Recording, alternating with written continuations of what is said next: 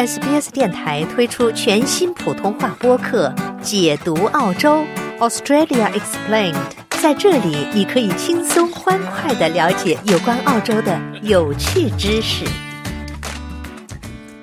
五十年前和父母一起移民澳洲的黄碧瑶表示，自己对选举结果有些失望。那我应该是不希望，比如说台独的这种这种概念。我总是希望够和中国合在一起，有个和平的将来，有个更好的将来。所以呢，我可能应该说是有一点失望，因为民进党进去了。因为我是我本身应该说是不是很赞成台独的。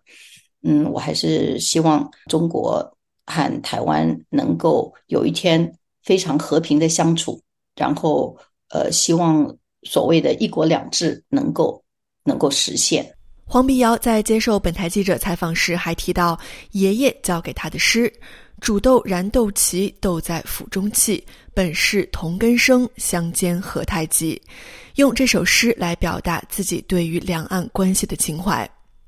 在澳大利亚某科技公司就职的 Janice 表示，选举的落幕让自己对台湾的民主制度倍加珍惜。选举的落幕呢，就是也显现出我们真的很幸运，而且也很珍惜这个台湾有这样的民主的制度，可以让我们真的参与投票。民主就是说，人民是国家的主人嘛。那呃，选举既然已经尘埃落定了，我觉得就是落实民主的精神，就是服从多数，并且尊重少数不一样的声音。嗯，那这次的结果，我个人的想法是说。呃，赖清德就是呃由现任的台湾总统蔡英文所领导的民进党继续的执政，那其实也就显现出台湾的人民对于追求民主自由这样的精神的决心，呃，以及就是追求。所谓的和平跟国际社会的尊重吧。据台湾当地媒体报道，在立法院的一百一十三个席位中，没有任何一个政党获得超过半数的席位，这也引起了台湾民众的讨论。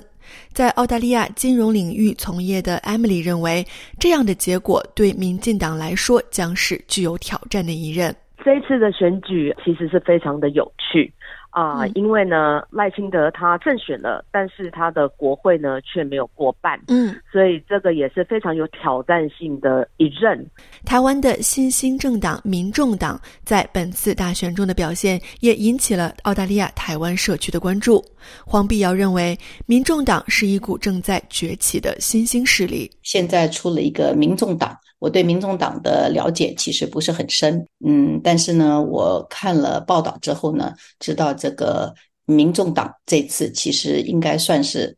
虽然在表面上看起来民进党是好像赢的非常多，但是其实他们都是三党不过半，没有一个是超过一半的。然后呢，这个民众党可能相比来讲呢，他们的进展还是更好的。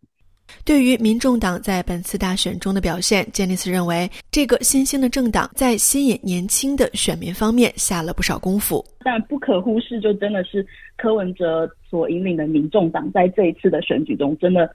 讨论度真的很高，然后尤其在。各种的呃，比如说 YouTube 啊，然后 Facebook、Instagram 等等这种年轻人比较常使用的平台，他们都下了非常多的功夫。是我自己也会看到，虽然我人在澳大利亚，可是这些广告也会打到我这边来。嗯，所以我觉得，嗯，肯定是有它一定的影响力的。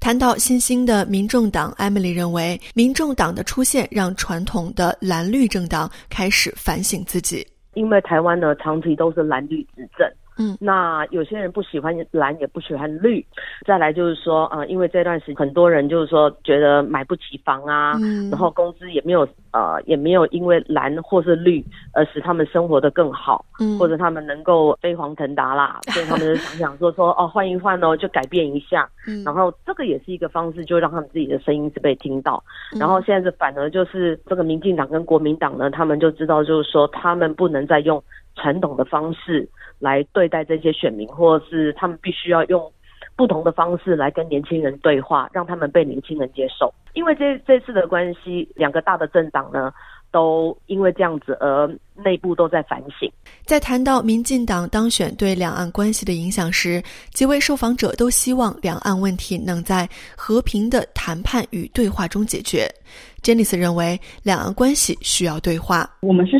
希望追求和平的，并且我们希望说这个这样的理念，我们可以获得国际社会的尊重跟珍惜。所以，这个这个话题本身，并不是说。台湾单方面的希望怎么样，或者说人民希望怎么样，或者是领导人希望怎么样可以促成，应该是更重要的是，呃，两岸关系是需要对话嘛，呃，是一个双边的交流。我觉得如果我们今天全体人民做出这样的决定，可以获得嗯对岸的一些重视，跟或者说对等的给予平等的交流机会，那我们才有办法去谈怎么样的改变。在澳大利亚金融领域从业的 Emily 表示，海峡两岸的和平是大家都希望看到的。赖清德他就说他也会遵照蔡英文的这个四个坚持。那四个坚持呢，中间当然就是说希望他当然希望就是说两岸呢在互相平等和尊重的条件之下呢，来共同讨论。那当然就是说，呃，每一个政党他所采取的那个方式呢都不太一样。那就是当然大家都希望能够啊跟对岸能够对话。其实大部分的人都是希望他能够和平。那但是呢，也另外一件事情就是说，嗯。台湾就这几年也蛮多蛮多的年轻的一代，因为教育方式还有生活方式都不同，嗯，所以也慢慢渐渐的有这种脱钩的现象。他们不会觉得就是说对岸就是祖国。本次台湾选举也得到了澳大利亚台湾社群的广泛关注。Janice 认为，在澳洲的台湾社群对于选举的意见非常多元，但大家都能够开放的沟通彼此的想法。Janice 在采访中分享了让自己印象深刻的观察。我这次关注到最让我印象或感有感触的观察吧，就是其实这在澳洲的台湾人社群，大家意见都非常多元。嗯，而且的确有人很关心政治，然后也会有人相对会觉得，哎，好像没有那么重视，都有。但是这个让我最嗯最庆幸或是觉得最幸运的吧，就是说我们虽然每一个的看法都。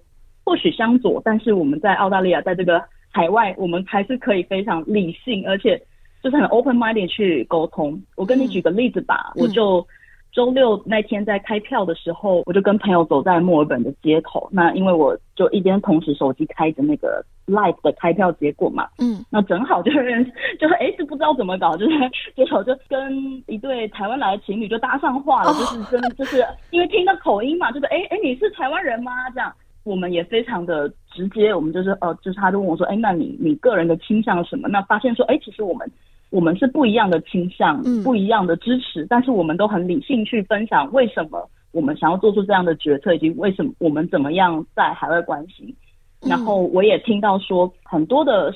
声音，除了传统的蓝绿的支持者以外，这次的选举在澳洲台湾社群也会有很多人会希望说，哎，是不是考虑？蓝绿以外的可能，也就是呃，民众党这样的选项，所以我觉得这些